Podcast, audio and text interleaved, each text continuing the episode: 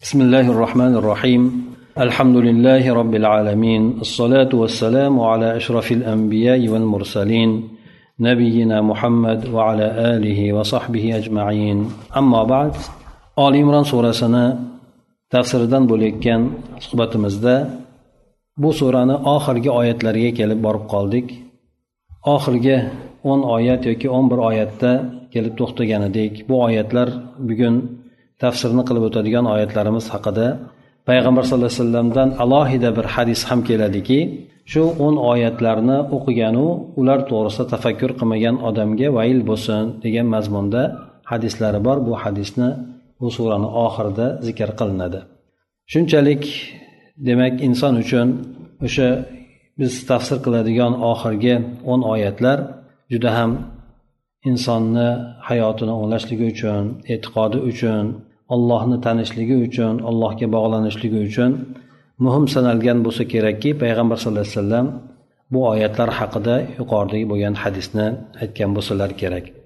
Bundan oldingi oyatlarda mo'minlar kofirlar tomonidan turli kofirlar ya'ni mushriklar bo'lsin ahli kitoblar bo'lsin bular tomonidan turli ozorlar bularga bo'lishligi to'g'risida albatta albatta ya'ni ozor yetishligi bular keyin mo'minlar imtihon qilinishligi to'g'risida. Undan keyin esa alloh taolo ahli kitoblardan berilgan ilmni bekitmasligini bekitadigan bo'lsa ular uchun azoblar borligini hamda inson qilmagan narsalar bilan maqtalishlikni yaxshi ko'rishligi bu insonni do'zaxga olib borishligi mumkinligi to'g'risida yuqoridagi bo'lgan oyatlarda alloh taolo bizlarga aytib o'tdi. Ana endi esa bir yuz sakson to'qqizinchi oyatda alloh taolo aytadiki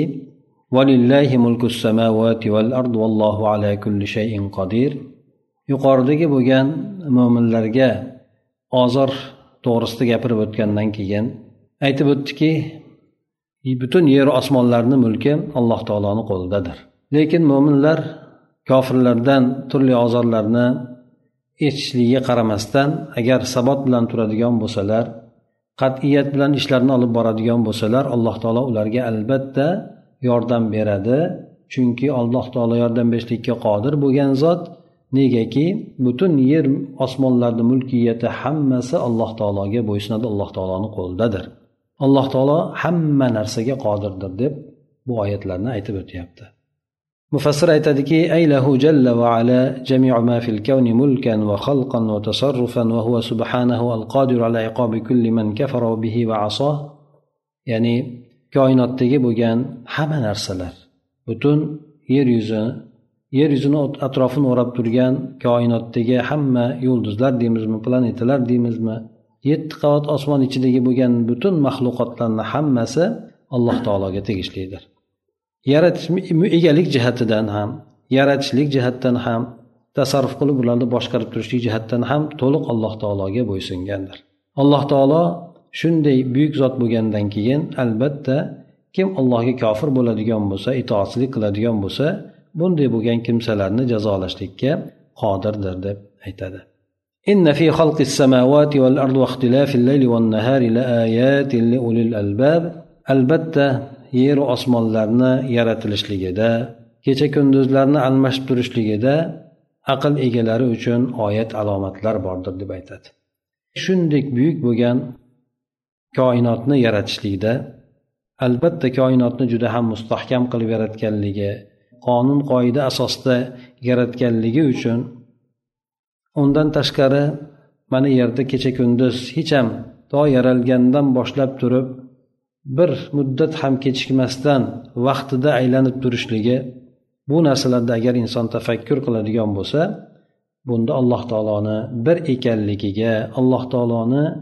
hamma narsaga qodir ekanligiga ishlari juda ham puxta ekanligiga aql egalari uchun alomatlar bor deb aytib o'tadi. Mufassir aytadiki albatta yer osmonlarni yaratilishligida ulardagi bo'lgan juda ham puxtalik bo'lsin judayam bir ajoyibliklik bo'lsin.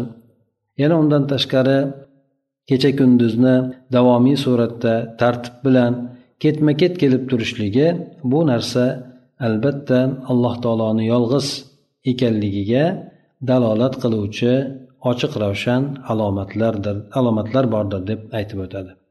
Albatta bunday alomatlarni bo'lishligi sog'lom aql egalari uchundir dedi.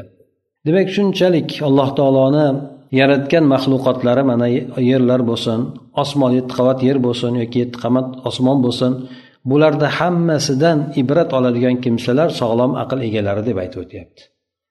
Boshqalarchi sog'lom aql egasi emas lekin aqli boru lekin sog'lom aql egalari bo'lmaganlar. Bu narsalardan garchi ko'rib turib ya'ni qandaydir bir yaratuvchi bor ekan degan narsaga boradiyu lekin bu narsalardan o'zlariga ibrat olmaydilar. Lekin mo'minlarchi sog'lom aql egalarichi bular alloh taoloni bunday maxluqotlardan o'zlariga ibrat oladilar. Bunga yordam beradigan narsa esa ularni alloh taoloni doimiy suratda yodga olib turishlari deydi الذين يذكرون الله قياما وقعودا وعلى جنوبهم ويتفكرون في خلق السماوات والأرض ربنا ما خلقت هذا باطلا subhanaka faqina azaban nar ya'ni bu sog'lom aql egalari kimlar kimlar bu aqlli bo'lgan kimsalar bular alloh taoloni shunday zot ekanligini bilgandan keyin shunday hamma narsaga qodir ekanligi hamma narsani boshqarib turganligi hamma narsa u zotni qo'lida mulkida ekanligini bilgandan keyin bular alloh taoloni yodga olmasdan boshqa ilojlari bo'lmaydi. Alloh taoloni bular hamma holatlarida zikr qiladilar. Quuda qiyaman ya'ni inson tik turgan holatida ya'ni ishda bo'lgan holati bo'lsin dam olayotgan holati bo'lsin yoki bo'lmasa joyida yotgan holati bo'lsin shularni hammasida ham alloh taoloni eslaydilar deydi. Ya'ni inson butun aytaylik ertayu kech alloh taoloni zikr qiladilar nimaga? Chunki yuqorida aytib o'tganimizdek alloh taoloni kim ekanligini tanigan kimsalar alloh taolodan hech ham ajralishlikka ajralishlikni xohlamaydilar. Va yana bular yer osmonlarni yaratilishligida tafakkur qiladilar. Alloh taoloni zikr qilishlik to'g'ri inson alloh taoloni zikr qiladigan bo'lsa iymoni ziyoda bo'ladi. Lekin alloh taoloni tanishlik esa yer osmonlarni yaratilishligida inson bir fikr yuritishligi bilan alloh taoloni yana ham yaqindan taniydi. Shunday buyuk narsalarni yaratgan zot o'zi ham buyuk bo'ladi. Shunday hamma narsani puxta qilib yaratgan zot hamma ishlarida bo'ladi. Ana o'shandek bular yer osmonlarni yaratilishligida tafakkur ham qiladilar deydi. Bular aytishadiki alloh taoloni ishlarini kuzatib turib robbana ma batila parvardigori olam buncha bo'lgan narsani sen behudaga yaratmagansan. Bunday ishni qilishlikdan seni poklayman subhanak faqina azabannar ana endi bizni do'zax azobidan saqlagin deb aytishadi. Demak bunchalik alloh taoloni maxluqotlarini bilgandan keyin tafakkur qilib bular to'g'risida o'ylangandan keyin inson biladiki hech bir narsa yer yuzidagi bo'lsin osmondagi koinotdagi bo'lsin hech bir narsa behudaga yaralgan emas. Shu jumladan inson ham behudaga yaralgan emas. Bular mana shunday narsani alloh taologa demak hamma yaratgan narsalarda alloh taolo bir hikmat bilan yaratganki behuda yaratgan bo'lishligidan seni poklaymiz deydi. Endi shunchalik buyuk bo'lgan zot yer osmonlarni hammasini yaratgan bo'lsa shunday bir puxtalik bilan yaratgan bo'lsa endi bu zotni o'zigina do'zaxdan insonni saqlab qololmaydi agar bu zot marhamat qilsagina do'zax azobidan insonni qutqarib najot berolmaydi shuning uchun alloh taoloni eslab qanday zot ekanligini bilganlaridan keyin to'g'ri yo'nalish aytishyaptiki parvardigori olam bizni do'zax azobidan o'zing saqlagin. Bunday ishqahhor bo'lgan hamma narsa qo'lda bo'lgan zot demak agar qahri keladigan bo'lsa insonlarni yoki butun maxluqotlarni hammasi alloh taoloni oldida turolmaydi. Shuning uchun bular alloh taoloni eslab fikr qilib ana undan keyin insonni hayotdagi bo'lgan maqsadi allohni roziligiga erishishlik hamda alloh taoloni do'zaxidan panoh topishlik. Ana o'sha narsani ular darhol bu yerda so'rayaptilar. Mufassir aytadiki mana bu aqlli bo'lgan kimsalar bular alloh taoloni eslaydilar.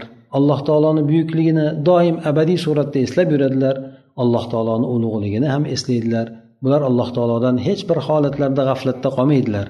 Chunki bu zotni qanchalik ekanligini bilgan zot alloh taolodan biron bir muhlat ham yoki biron bir muddat ham g'aflatda qolishlikni xohlamaydi. Bular o'zlarini bozorlarida bo'lsin ishlarida bo'lsin yoki to'shaklarida uyquga yonboshlab yotganlarida bo'lsin hamma holatlarda alloh taoloni eslaydilar bular yer osmonlarni yaratilishligida tafakkur qiladilar fikr yuritadilar aytadilarki parvardigori olam bunday koinotni sen behudaga yaratmading uni ichidagi bo'lgan butun maxluqotlarni hammasini ham bekordan bekorga behudaga yaratmading parvardigori olam sen behuda ish qilishlikdan poksan bizni jahannam azobidan o'zing saqlagin deb demak inson alloh taologa xitob qiladi ربنا إنك من تدخل النار فقد أخزيته وما للظالمين من أنصار yana bu yerda inson alloh taoloni zikr qilib tafakkur qilgandan keyin insonni qalbi alloh taolodan qo'rqib yumshaydi. Shunday bo'lgan paytida inson darhol alloh taolodan o'ziga kerakli bo'lgan narsani so'rashlikka shoshiladi. Shunda aytadiki insonni aytib o'tganimizdek do'zaxdan qutulishligiyu jannatga kirishligi bo'ladigan bo'lsa bu inson uchun eng buyuk bo'lgan narsa. Shuning uchun inson parvardigori olam sen kimni do'zaxga kiritadigan bo'lsang uni xorlabsan.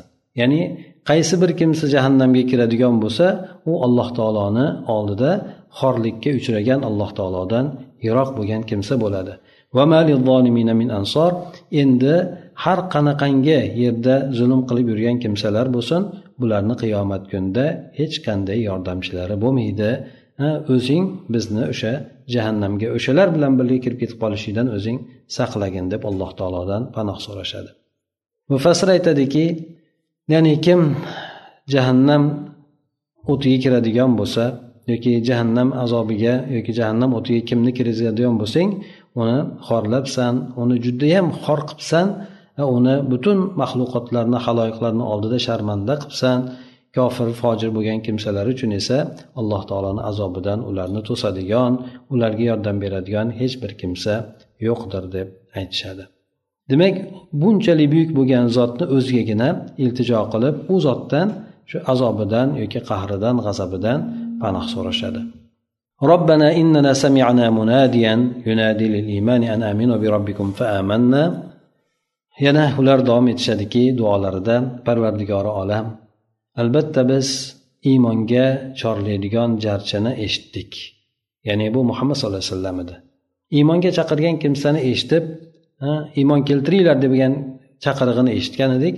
Darhol biz ham robbimiz senga iymon keltirdik deb bular aytadilar.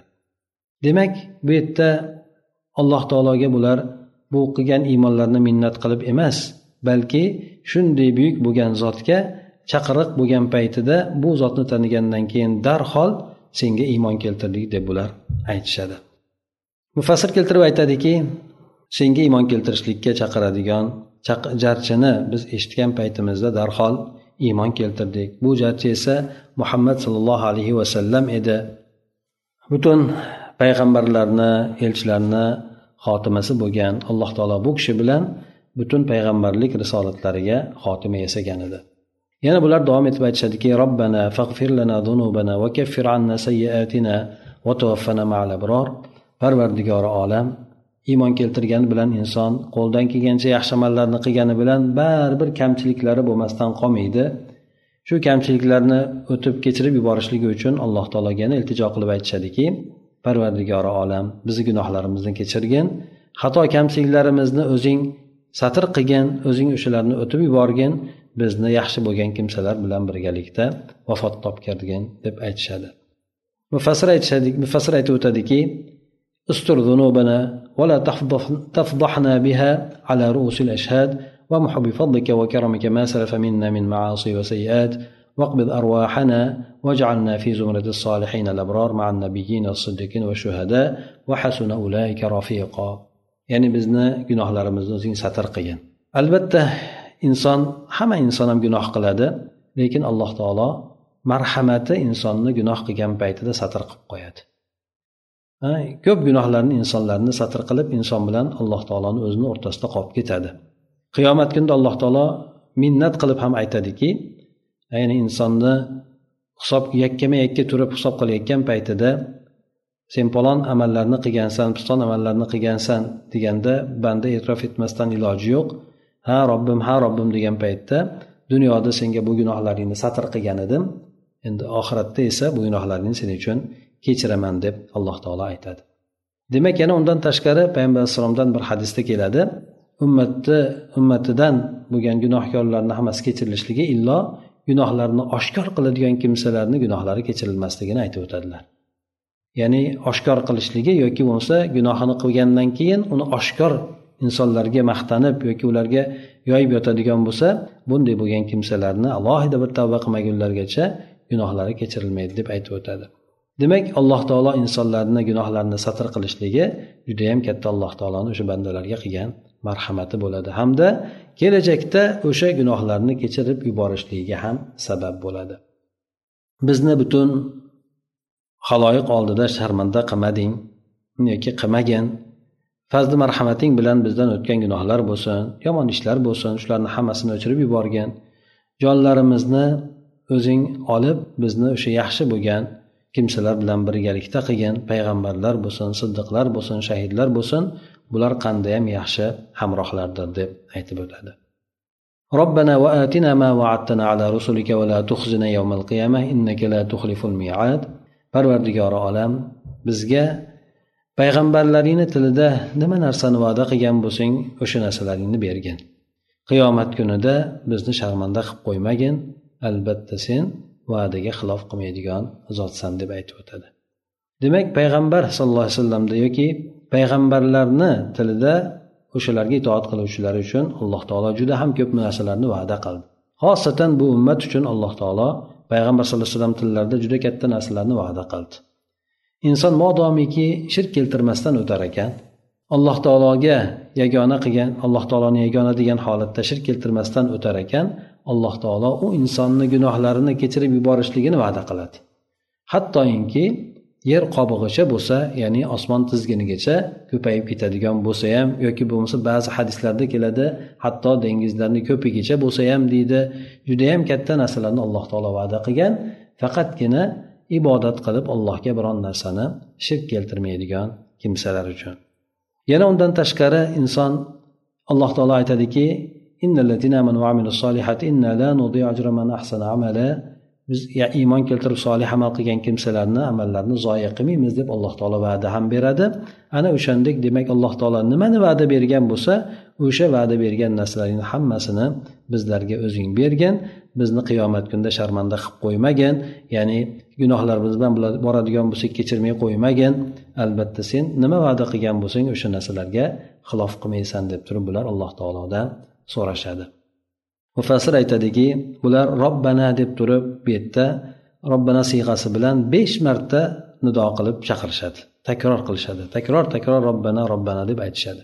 Albatta bu narsa alloh taologa tazarru qilishlik uchun yolinib yalinib yolvorishlik uchun va yana inson o'zidagi bo'lgan allohga nisbatan hokisorlik bo'lsin xushuni mukammal suratda ko'rsatishligi yana duosini ijobat qilishligiga qattiq qiziqqanligidandir.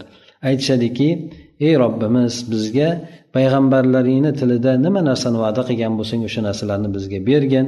Bu albatta birinchi navbatda hamma payg'ambarlar o'zini ergashuvchilariga va'da qiladigan jannat bor.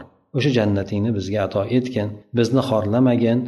Kofirlarni sharmanda qilganing kabi qiyomat kunida bizni ham bizni sharmanda qilib qo'ymagin. Ey parvardigori olam sen hech ham va'daga xilof qilmaydigan zotsan. Chunki sen aytib o'tgansanki tilkal jannatullati nurithu min ibadina man kana taqiyya. Bu jannatni bandalarimdan taqvodor bo'lgan kimsalarga meros qilib beramiz deb alloh taolo aytib o'tadi.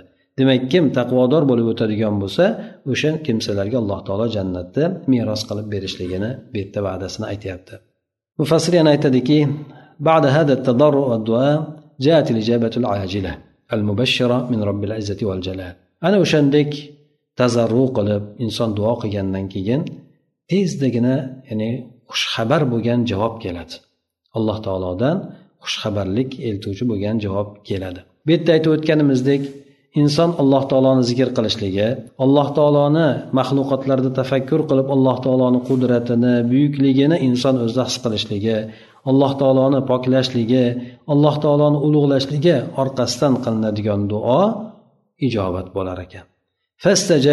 Robbuhum deydi.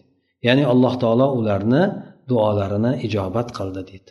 Istajaba degan so'zni arab tilida aytishadiki ajaba degani ijobat qildi degani istajaba ham ijobat qildi degani lekin ajaba deganni ma'nosi ijobat qildi qaytarishi ham mumkin. Rad qilishi ham mumkin degan ma'noni anglatar ekan. Qabul qilishi ham mumkin uni ya'ni qabul qilib oldi u duo degan ma'nosi so'rar ekan xohlasini qabul qiladi xohlasini uni rad etadi. Lekin istajaba deb keltirishligi albatta ularni duolarini ijobat bilan qabul qilganligi ya'ni ijobiylik bilan qabul qilganligini anglatadi deydi. Bu yerda demak ularni qilgan duosinizga alloh taolo ularni qilgan duolarini ijobat qilib aytdiki men sizlardan erkak bo'lsin ayol bo'lsin hech qaysi bir kimsani qiladigan amalni zoya qilmayman dedi.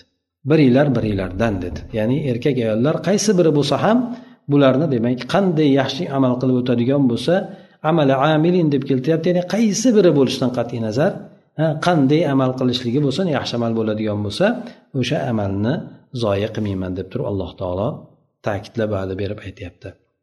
Demak inson alloh taologa intilar ekan alloh taoloni zikr qilar ekan allohni maxluqotlarini tafakkur qilib alloh taologa yolvorar ekan. Alloh taolo demak unday bo'lgan kimsalarni hech qachon qiladigan amallarni zoya qilmasligini aytadi. Ya'ni bu yerda mufassir aytadiki alloh taolo ularni duolarini ijobat qildi. Xabarini ham berdiki alloh taoloni huzurida bironta bir qiladigan ishni qilgan odamni amali zoyi bo'lib ketmaydi. U erkak bo'lsin ho ayol bo'lsin. Alloh taolo o huzurida bir misqol zarra ya'ni zarra misqolicha amal zoyi bo'lib ketishligidan e, ulug'roq adolatliroq bo'lgan zotdir. Qanaqa qilib alloh taolo masalan alloh taologa endi ibodat qilgan bo'lsin alloh taologa toat ibodatlar qilgan kimsa bo'lsin uzun ya'ni uzoq umr muddatida mobaynida bunday bo'lgan kimsalarni alloh taolo qanday qilib amallarni zoyi qilsin. Ya'ni bironta bir amal qilinadigan bo'lsa zoyi bo'lmaydi desa umrini butun allohga toat ibodat bilan o'tkazgan kimsalar bo'ladigan bo'lsa qanaqa qilib alloh taolo ularni amalini zoyi qilsin?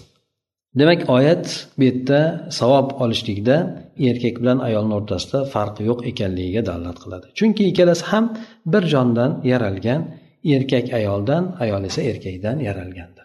Ya'ni bir birisiga kirishimlikdir. Shuning uchun erkaklarga beriladigan mukofot ayollarga ham hech qanaqangi kamaytirilmasdan beriladi. Ana undan keyin alloh taolo ba'zi mo'minlarni o'sha yerda payg'ambar alayhisalom davrida hijrat qilib diyorlardan chiqarilgan o'ziga yarasha qiyinchiliklarga uchragan kimsalarni alloh taolo zikr qilib ularni ham juda buyuk bo'lgan mukofotlar bilan mukofotlashligi to'g'risida keyingi oyatlarda aytib o'tadi. Yana yuqoridagi bo'lgan o'sha mo'minlarga beriladigan mukofotlarni alloh taolo oyatni davomi keyingi davomida ham davom ettiradi.